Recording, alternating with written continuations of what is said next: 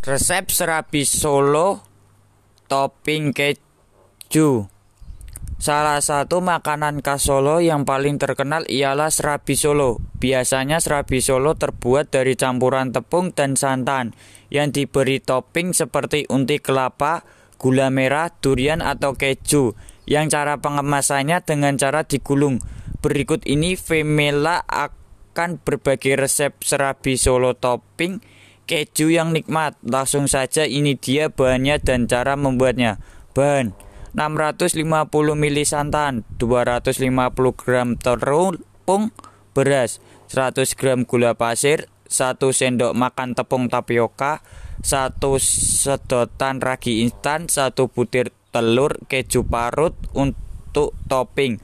Bahan kuah 250 ml santan kental, 1 SDM gula setengah sendok garam daun pandan.